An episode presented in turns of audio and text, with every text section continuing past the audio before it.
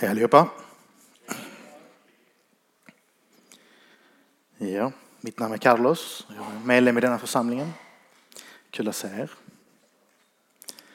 Och idag ska jag fortsätta prata om utifrån sommarens tema. Så stor är vår Gud.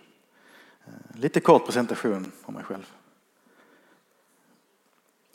Mitt namn är då Carlos, som det Carlos Kidos.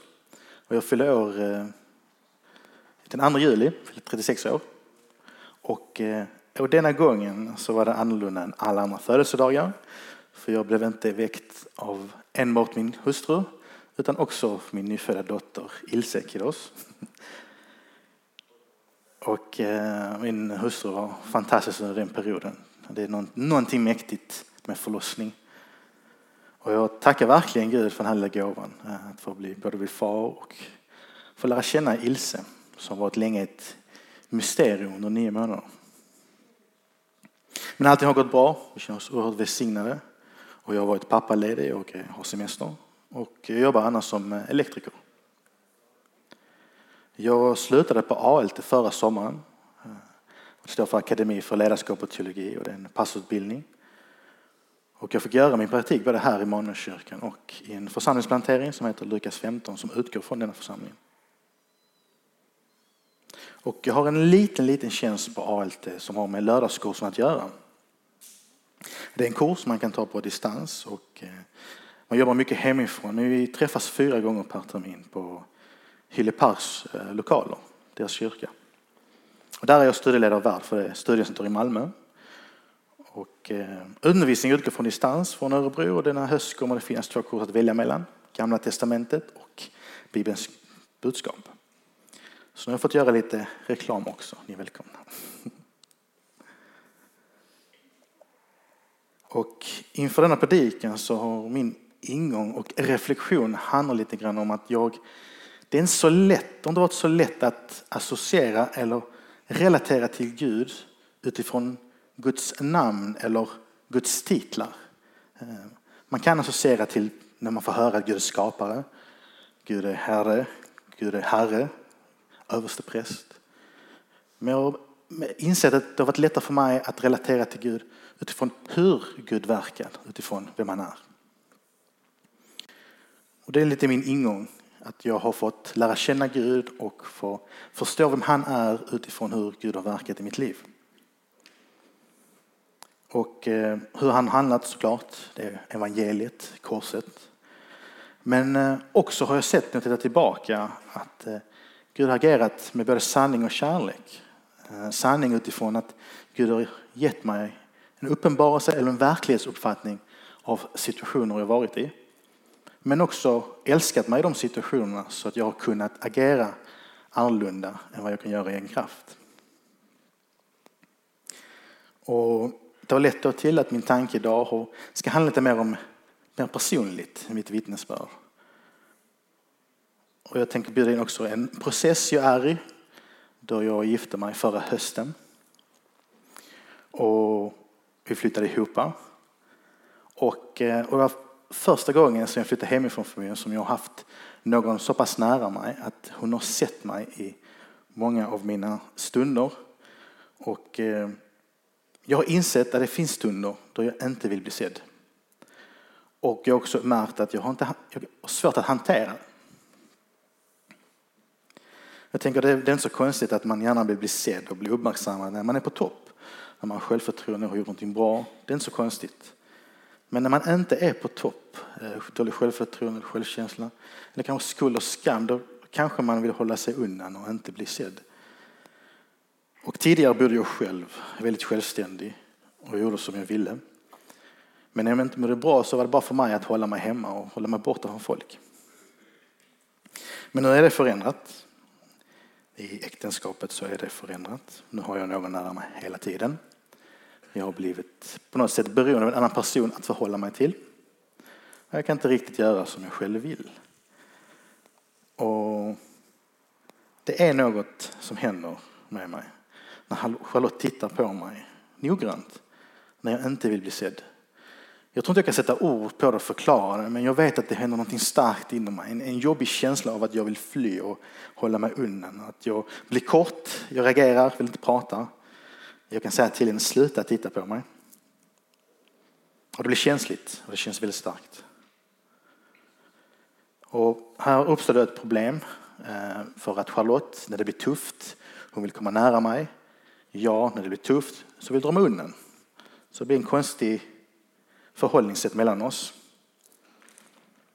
Och det är då processen jag har. Att hur kan jag bli kvar? Hur kan jag stå kvar? Hur kan jag våga bli sedd i min svaghet, i min sårbarhet, när jag har det som tuffast, när jag inte är på topp? Och eh, jag har jobbat på det nu hela året. Det blir bättre, men det är fortfarande tufft. Och detta här har jag kopplat till ett citat från en man som heter Timothy Keller, en pastor och teolog från USA som jag lyssnar väldigt mycket på. Och han säger så här, och jag ska läsa citatet två gånger. Eh, han säger så här, vår största rädsla är att bli sedda och helt kända och bli förkastade.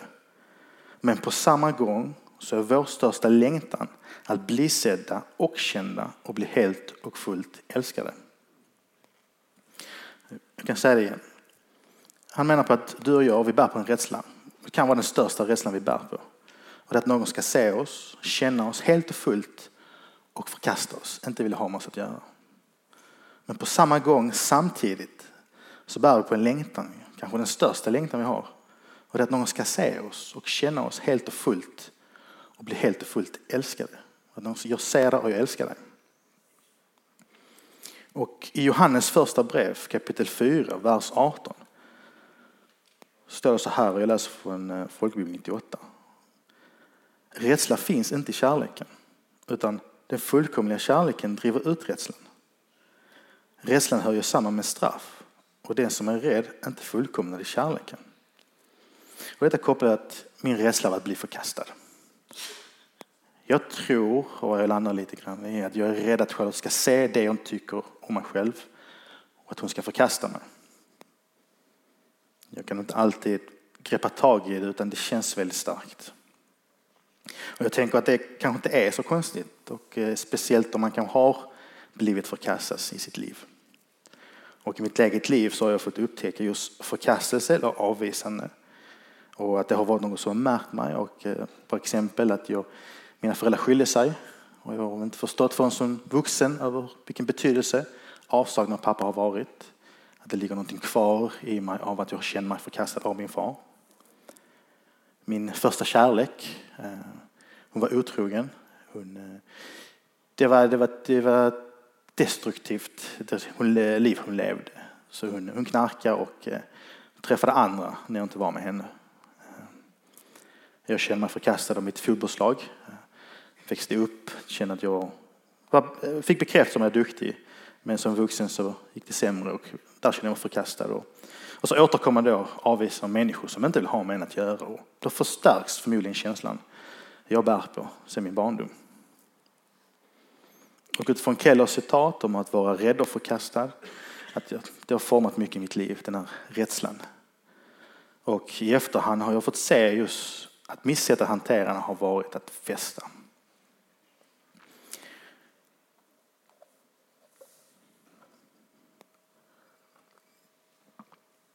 Och jag minns att jag började som 14-åring. Då började jag dricka alkohol. Eh, Starksprit redan då. Och man blev berusad och man festade med jämnåriga och äldre. Det var lättillgängligt med sprit och alkohol, trots att man var minderårig. Och det var den kulturen jag växte upp i. Och på något, och ska jag vara lite ärlig här och säga att det, på något sätt så känns det bra att bli berusad för att problemen försvann. Mitt självförtroende, självkänsla, allt det jag bar på, liksom, det bara trycktes bunden liksom, av den här alkoholen. Och det var jobbiga känslor, jag kände att jag hade självförtroende, jag var social och, och jag vågade vara ute och träffa folk. Eh, för det var ingenting jag tänkte på som 14-åring vad jag bar på utifrån de här jobbiga känslorna av förkastelse eller rädsla. Och ja, det fortsatte fram till, tills jag var 21 år och det var då första gången jag fick smaka på, på Guds kärlek. Och där i så var det precis som Gud gav mig en, en verklighetsuppfattning Där jag fick se min synd och min skuld. Och jag tog emot Jesus som min Herre och frälsare. Och, och jag minns att jag, jag kände skuld och jag ville bli förlåten för mina synder. Men jag tror inte riktigt jag förstod hur jag blev förlåten eller jag förstod inte riktigt vad det innebar. Jag, jag förstod inte korset och jag förstod inte nåden. I min värld så hade Jesus förlåtit mig. Jag hade frälst mig, jag hade omvänt mig. Men därefter tänkte jag, nu ska jag bli bättre. Nu ska jag bli en riktig kristen. Jag ska verkligen följa Jesus. Jag ska kämpa. Och det var en period då jag slutade festa. Jag vågade göra det annorlunda. Och jag sökte i Bibeln, eh, ville lära känna Jesus. Jag gick på olika folksamlingar och, och jag bad. Jag, jag, gjorde det jag trodde man skulle göra och, och att det, det, skulle räcka men, men jag klarade inte riktigt att bli bättre kristen utan jag blev helt förkrossad av att upptäcka mina brister och mina fel och kände jag klarar inte av det. Och i efterhand, med tanke på min rädsla av att bli förkastad, så var det nog så att jag lämnade Jesus innan han, han förkastade mig. Så för mig var det bara tack Jesus för denna tiden men jag klarar inte av det. Och jag gick tillbaka till den här kulturen av festande. Och det var ett liv med någon sorts omättlig hunger efter eh, spritfesten och tjejer. Och när jag säger omättligt så menar jag att jag hamnade i ett hamsterhjul. Ehm, man var ute varje helg och det räckte inte. Det var nästa helg och nästa helg. Och det hamsterhjulet eh, hamnade jag i under i sju års tid. Fredag, lördag. För mig var det en flykt från verkligheten och i efterhand säger jag det var ett sätt att hantera en inre smärta men också en Rädslan att bli förkastad. Och hamsterhjulet såg ut så här ungefär. Jag jobbade 74 som elektriker, måndag till fredag. Sen tränade man på kvällen. Man skulle se bra ut, hålla sig fräsch. Antingen fotboll, styrketräning, promenad, jogging. Och på fredag så, så solade man såklart. Man skulle se solbrun ut och man köpte gärna nya kläder för att se fräsch ut. Och det var festande, fredag och lördag till det slut. Och, och som jag nämnde tidigare att spriten gjorde någonting med mig. Det tryckte undan mina problem och det gav mig någon sorts självförtroende. Och, och jag kunde och jag vågade gå ut och träffa nya människor. Men sen kom allt in på söndagen där med ångest, söndagsångesten. Man var bakis, man kollade på tv och hela dagen och bara åt pizza. Och vi väntade på att måndagen ska börja på nytt och så in i hamsterhjulet. Man var väl inte så reflekterande i den perioden. Men det kändes. Jag minns att jag bar mycket på ångest och grät mycket över att man kände men kunde inte förstå. Sju år senare, eller sex år senare, 2014, så hamnade jag i en destruktiv relation. Och det här var en relation som jag inte kunde ta mig ur.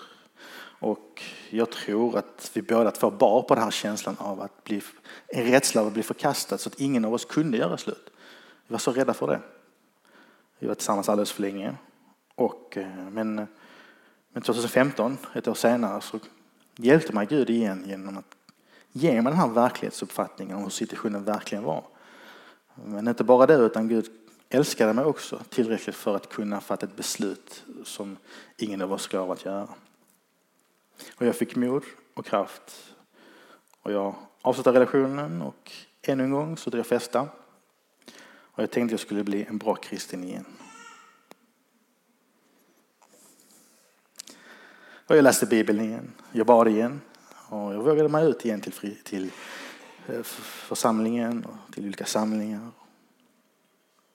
Men jag tänkte fortfarande likadant att Jesus har frälst mig och hjälpt mig och nu här efter ska jag bli bättre. Och det fanns väl en risk att jag skulle brista igen och fly. Men eh, 2015 så blev det annorlunda.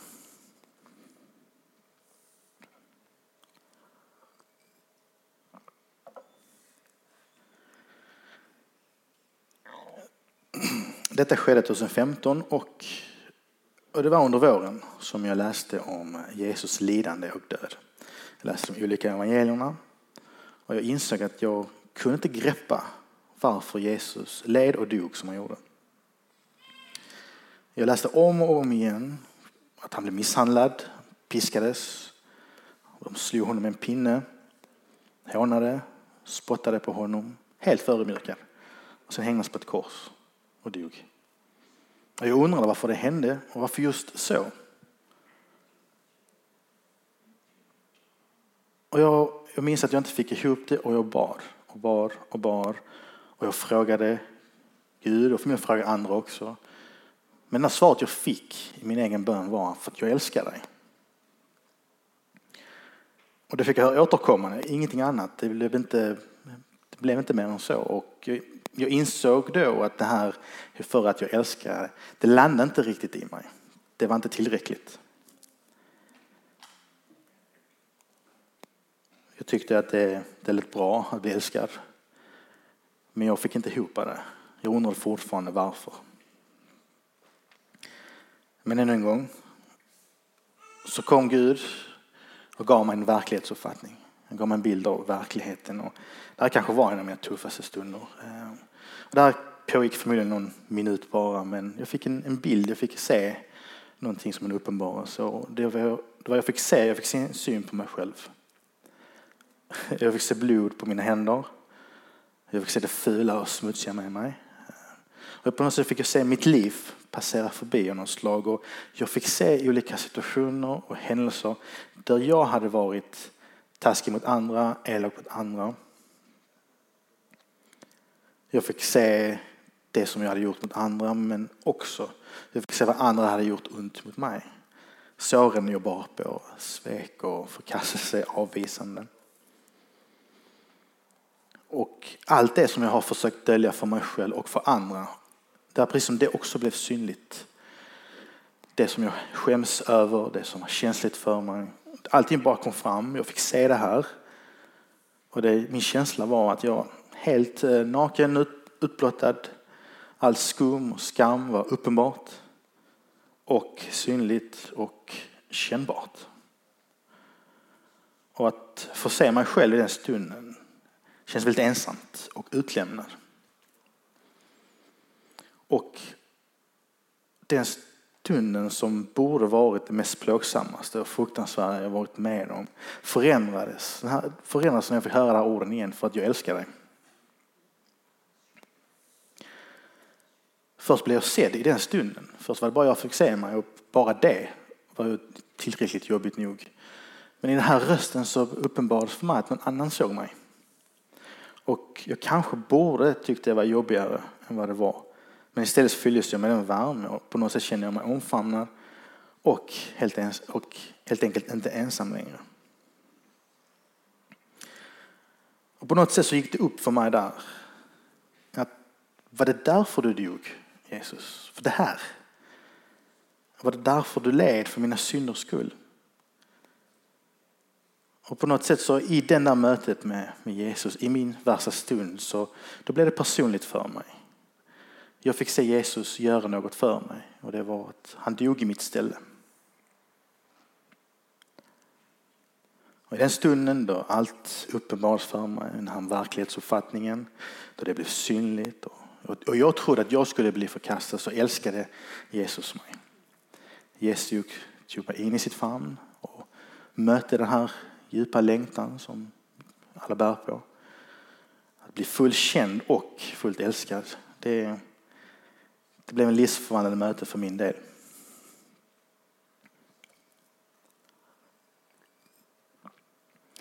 Och när jag tittar tillbaka så tror jag att det var det som hände när jag var 21 år. Att Jesus mötte min djupaste längtan och att bli sedd och känd och älskad för att jag vågade göra annorlunda. Men där och då var min förståelse av vad Gud hade gjort i evangeliet och att Gud frälste mig och förlät mig. Det blev, eh, med min förståelse av evangeliet och Jesus frälste mig och förlät mig så hamnade jag ändå i att jag skulle göra resten. Alltså, som gjorde att jag brast och jag flydde. Så jag hade bara kommit halvvägs. Och hur senare så mötte Jesus mig igen, tror jag, i min djupaste längtan av att bli sedd och känd och älskad. Men den gången så fick jag se hur, hur Jesus gjorde. Och det var på korset, i mitt ställe. Och Jesus gjorde utan att jag bad om det. Utan att jag ens visste om det. Och även om jag skulle förkasta Jesus idag så har han ändå redan gett sitt liv för mig. Och i Romarbrevet 5.8, läser från Folkbibeln 90, 98, står det så här. Men Gud bevisar sin kärlek till oss genom att Kristus dog i vårt ställe medan vi ännu var syndare. Guds bevis för kärleken till oss är korset. Guds handlande i Jesus Kristus på korset är handlingen. Och det är beviset på vem Gud är. Så som jag inledde i början, att det kanske inte är så lätt att relatera för mig i första hand till Gud som frälsare. Men när jag får se hur han har frälst mig så har det hjälpt mig att lära känna honom. Och på korset säger en älskande Gud.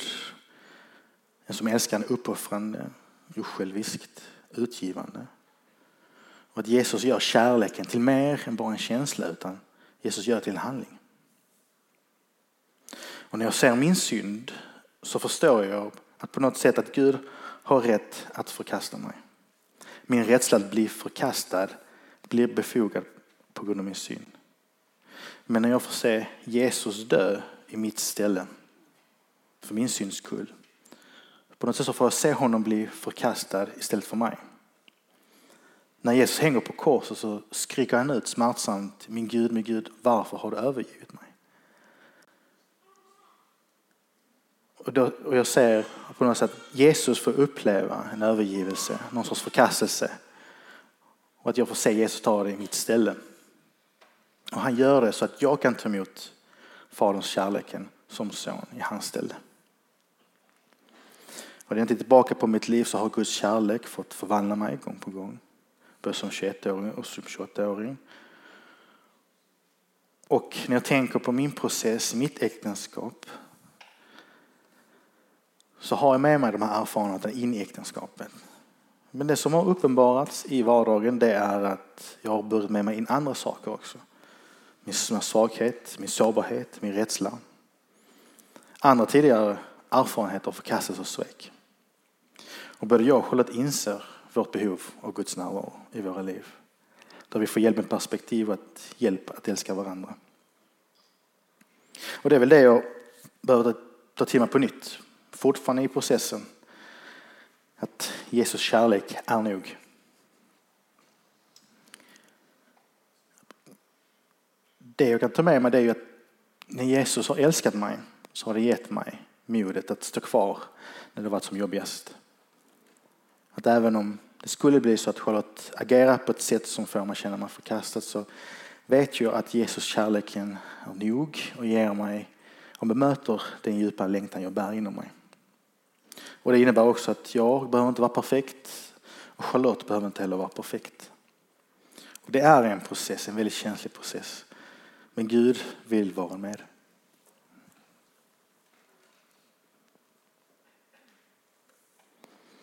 Och hur Gud har handlat i frälsningen så kan jag se och förstå Gud som frälsaren. Hur Gud har älskat oss genom att Jesus dog i vårt ställe. Jag vill få se en älskande frälsare som vill att alla människor ska bli frälsta. Och för mig så ligger Guds storhet i att Gud älskar syndare, där jag är en av dem. Och Jesus gav sitt liv innan vi var födda. Och han känner alla våra fel och våra brister och ändå valde att ge, offra sitt liv för oss. Och Gud, Gud bjuder in oss alla, alla till att få komma till tro på det här, på kärlekens evangelium och vill hjälpa oss att leva ut det i alla delar av våra liv. Som i mitt fall var, är i äktenskapet. Där evangeliet inte bara är början på det kristna livet utan evangeliet är det kristna livet. Och genom evangeliet så är du sedd, du är känd och du är fullkomligt älskad. Låt oss be tillsammans. Jag vill tacka dig Herre för att du är här idag. Tack för att du har låtit oss se hur du har älskat oss. Och jag ber Gud att vi idag får en verklighetsuppfattning, en uppenbarelse om vår situation. Hjälp oss att tro på vem du är. Fyll oss med din ande och övertyga oss i djupet av våra hjärtan hur du möter den längtan vi har och att vi älskar dig av dig. Hjälp oss Herre att förstå att du ser oss, du känner oss och du älskar oss fullkomligt. Och jag tackar dig Herre för att du ser att vi alla är i någon form av process i våra liv. Så hjälp oss Herre att tro på ditt evangelium och leva ut det i vår vardag. Tack Herre. Jag ber i ditt namn. Amen. Tack.